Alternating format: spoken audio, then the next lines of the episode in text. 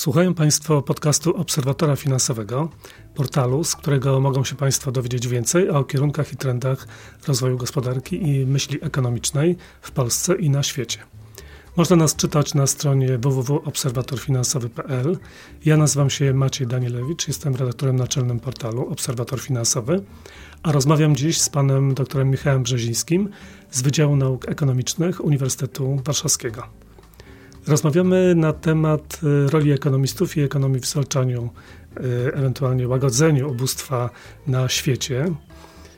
Wydaje mi się, że przez y, wiele lat jedną z głównych tez największych ekonomistów była ta, zgodnie z którą ubóstwo niemal automatycznie miało szansę się zmniejszyć po wprowadzeniu w jakimś kraju zasad wolnego rynku, czyli na przykład wystarczyło dać ludziom wędkę, a oni już sami powinni łowić nią ryby. Tegoroczna Nagroda y, Nobla z ekonomii została jednak przyznana trojgu badaczom, którzy mało tego, że mm, od około 20 lat analizują zasady przyznawania ukierunkowanej bezpośredniej pomocy ludziom w skrajnym ubóstwie, to jeszcze y, wyszli za swoich biurek, być może nigdy za nimi nie siedzieli i rozpoczęli swoje badania w terenie. W jaki sposób y, usłyszymy za chwilę. Panie doktorze, dzień dobry. Dzień dobry. Y, co nowego wprowadzili do nauk ekonomicznych nagrodzeni badacze Esther Duflo, Abhijit Banerjee, Michael Kramer?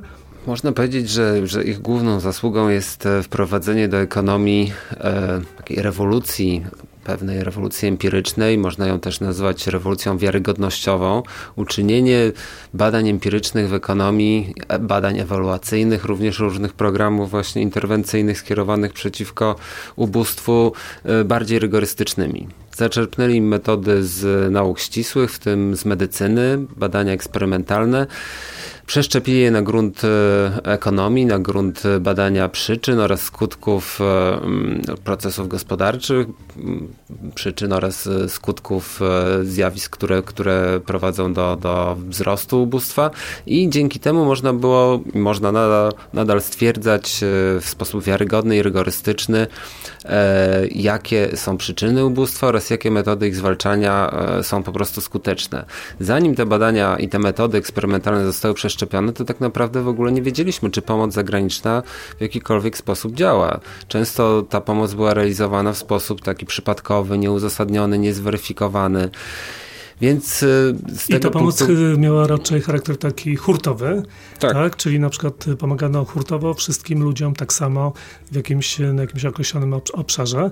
Y, y, tych troje badaczy zmieniło jakby perspektywę tak, ukierunkowana pomoc, i, ale wymagająca wcześniej dosyć precyzyjnego zdiagnozowania problemu i potrzeb. Tak, e, można powiedzieć, że, że zanim te metody eksperymentalne wdrożono, to, to pomagano wszystkim, pomagano na dowolne sposoby. Niektórym e, dawano zwierzęta domowe biednym ludziom, innym gotówkę, innym lepszy e, dostęp do edukacji.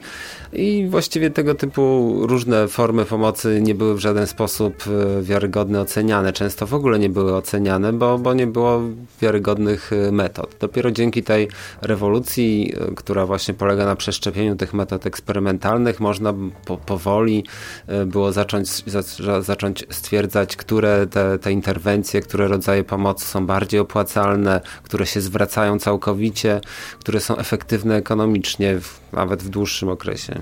Ja mam pewien problem e, z w ogóle terminem e, badania eksperymentalne, eksperyment na tkance społecznej, prawda? Bo to się nie, niezbyt dobrze kojarzy. Mm, y, czy to jest tak, że y, wydzielono pewne grupy ludzi i y, jednym pomoc była udzielana, a innym nie? To brzmi trochę niezręcznie. Czy, czy, to, czy to o to chodziło? I właśnie badano po jakimś czasie, tak, często po wielu latach, w jaki sposób ta grupa, która otrzymała pomoc, funkcjonuje i w jaki sposób funkcjonuje ta grupa, która tej pomocy nie otrzymała? Czy to na tym polega?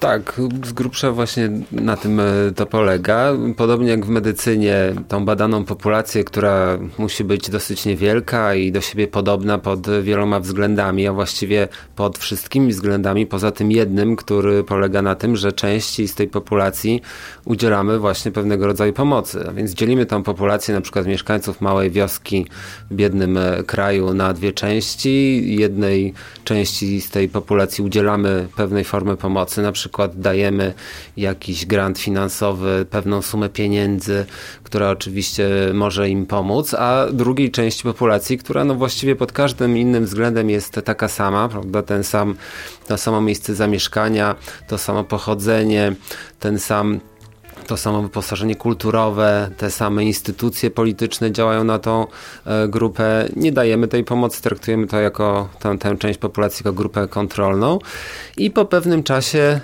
ewaluujemy, sprawdzamy, czy ta interwencja zadziałała. W tym sensie, że możemy sprawdzić, czy, czy po jakimś czasie, po roku, po dwóch, po trzech, po pięciu, a czasem i w dłuższym okresie możemy sprawdzić, czy te wyniki, które chcieliśmy poprawić e, w naszej populacji poddanej interwencji, są lepsze w tej grupie eksperymentalnej, która została poddana interwencji w stosunku do, do grupy kontrolnej. I ta grupa, y, powiedzmy, tak, y, to trzeba zdecydowanie jednak y, wyjaśnić, że to jest grupa wybrana losowo, właśnie, prawda? Właśnie, Absolutnie oczywiście. losowo, tak, bo to, jest to nie jest tak, że po znajomości jakaś tam grupa dostała się do programu i dostała większą pomoc, tylko tutaj działa absolutny przypadek. Tak jest. I rzeczywiście to było, te warunki były, ten warunek był spełniony, tak? Tak jest, tak jest. Wybieramy losowo tą grupę eksperymentalną i ponieważ pod każdym innym względem, poza tym, że ta grupa eksperymentalna została poddana interwencji, te dwie grupy kontrolna i eksperymentalna są podobne, właściwie takie same, to możemy domniemywać, czy możemy wnioskować wręcz w rygorystyczny sposób, że jeżeli po pewnym czasie pewne wyniki, które chcemy zbadać, na przykład stan zdrowia, albo na przykład e, poziom dochodów, czy przedsiębiorczość w grupie eksperymentalnej się poprawiła, to było to właśnie skutkiem naszej interwencji, a nie skutkiem jakichkolwiek innych A nie jest to czynników. trochę bolesne społecznie, że na przykład w jednej grupie poprawiła się e, jakaś sytuacja na przykład zdrowotna, a w tej drugiej nie. Gdybyśmy dali pomoc jednak e, wszystkim, tak, diagnozując, że pomoc zdrowotna jednak wszystkim ludziom się należy, no bez wątpienia jest tutaj pewien element kontrowersyjny, pewien element... E, trochę tak etycznie tak, oczywiście, oczywiście. Niemniej jednak e, większe dobro tutaj także trzeba wziąć pod uwagę, a mianowicie takie, że bez tego typu metod po prostu nie będziemy wiedzieli, co działa i nie przekonamy e, bogatych, nie przekonamy rządów bogatych państw czy filantropów bogatych, żeby móc przekazywać coraz większe środki na taką pomoc, która działa efektywnie. A w jaki sposób zbadano, że na przykład e, pomoc udzielona małej grupie e, w jakiejś lokalnej społeczności w Indiach czy w Kenii może być y, uznana za y, taką wzorową, wzorcową dla innej grupy w innym regionie świata? Czy właśnie taka mikropomoc, bo tutaj chodzi o mikrodziałania w takich mikrosprawach, tak? I powiedzmy, jeśli mamy małą społeczność, to być może te reguły będą dotyczyły tylko tej konkretnej społeczności. Czy, czy udowodniono, że po prostu w zupełnie innym regionie kraju, yy, świata. Tak, to prawda. To jest jeden z e, problemów, który jest związany z tego typu badaniami. Rzeczywiście problem skalowalności, można powiedzieć, tych badań. Czy jeżeli pewna interwencja, na przykład e, jednym z takich najbardziej popularnych eksperymentów, które, które przeprowadzili laureaci tegorocznego Nobla, były, były badania nad odrobaczaniem dzieci, pozbywaniem się pasożytów e, przewodu pokarmowego u, u dzieci w biednych krajach i weryfikacja, jak to wpływa na ich poziom absencji w szkołach, czy ta absencja się zmniejsza. Więc pytanie, czy, czy taki eksperyment przeprowadzony w jednym bogatym kraju, w biednym kraju, przepraszam, w części tego kraju, w, biednej, w jednej wiosce właściwie, albo w kilku też losowo wybranych szkołach, czy te dobre wyniki osiągnięte w pewnym rejonie przełożą się na podobne wyniki osiągnięte w rejonie innym w tym samym kraju, albo w zupełnie, na zupełnie innym kontynencie, w innym regionie świata. Co do tego nie mamy pewności. To jest pewien jeden z problemów, e, jeżeli chodzi o, o, tego typu badania. Są pewne metody statystyczne, które pozwalają wnioskować na, na podstawie kilku eksperymentów tego typu przeprowadzonych w różnych e, krajach, w różnych momentach w czasie i próbują generalizować te wyniki, aczkolwiek no, one też nie są w pełni niezawodne i krytycy tego typu badania też są te, tego typu e, krytycy, uważają, że, że jest to jeden z poważnych problemów, że nie będziemy nigdy pewni, że przeszczepienie tego, tego typu interwencji, no właśnie w innym kraju czy w innym czasie da takie same rezultaty. Poza tym y, jednak te badania wymagają czasu, prawda, żeby zbadać jednak y, na przykład jeśli jakaś społeczność potrzebowałaby od razu pomocy, y, tutaj chyba nie da się zastosować takiej metody, że najpierw zbadamy, tak, podzielimy społeczność, zbadamy, stwierdzimy i dopiero potem pomożemy za kilka lat. To było dosyć wymagają czasu. też ryzykowne wymagają czasu i wymagają pieniędzy, ale pan pieniędzy. redaktor powiedział, że, że gdybyśmy wiedzieli, czy gdybyśmy czuli, że dana społeczność wymaga pomocy, ale to stwierdzenie zakłada, że my wiemy, jak udzielić tej pomocy, żeby ona była skuteczna, no, jeżeli, ale jeżeli nie przeprowadziliśmy badań, to nie wiemy.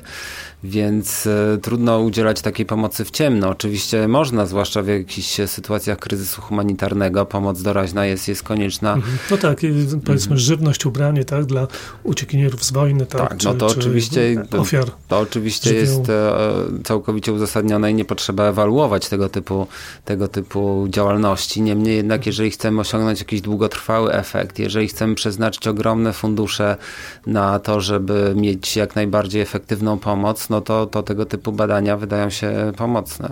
Y, czyli te badania właściwie były prowadzone mniej więcej od 20 lat, tak? Taka jest historia. Ile osób zostało objętych w ogóle na świecie takimi badaniami? Nie jest łatwo to, to określić, natomiast, e, natomiast można powiedzieć, że e, z perspektywy właśnie tych kilkunastu lat e, te eksperymenty, które przeprowadzali laureaci tegorocznego Nobla oraz ich współpracownicy, jest to cała potężna sieć badawcza na świecie oraz badania, które były wzorowane na tego typu badaniach.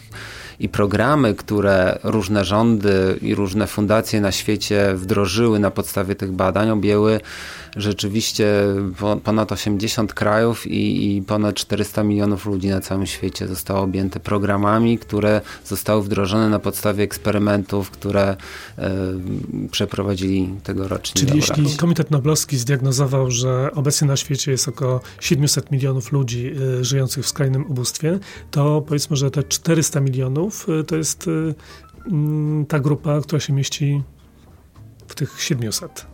Tak mniej więcej można by to Ściśle rzecz biorąc, chyba nie jest tak do końca, mhm. bo to jest 400 milionów przebadanych w pewnym okresie czasu, w okresie kilkunastu lat. Natomiast, Czyli to się zmienia tak, w czasie, ta a liczba ludzi żyjących w ubóstwie zmniejsza się.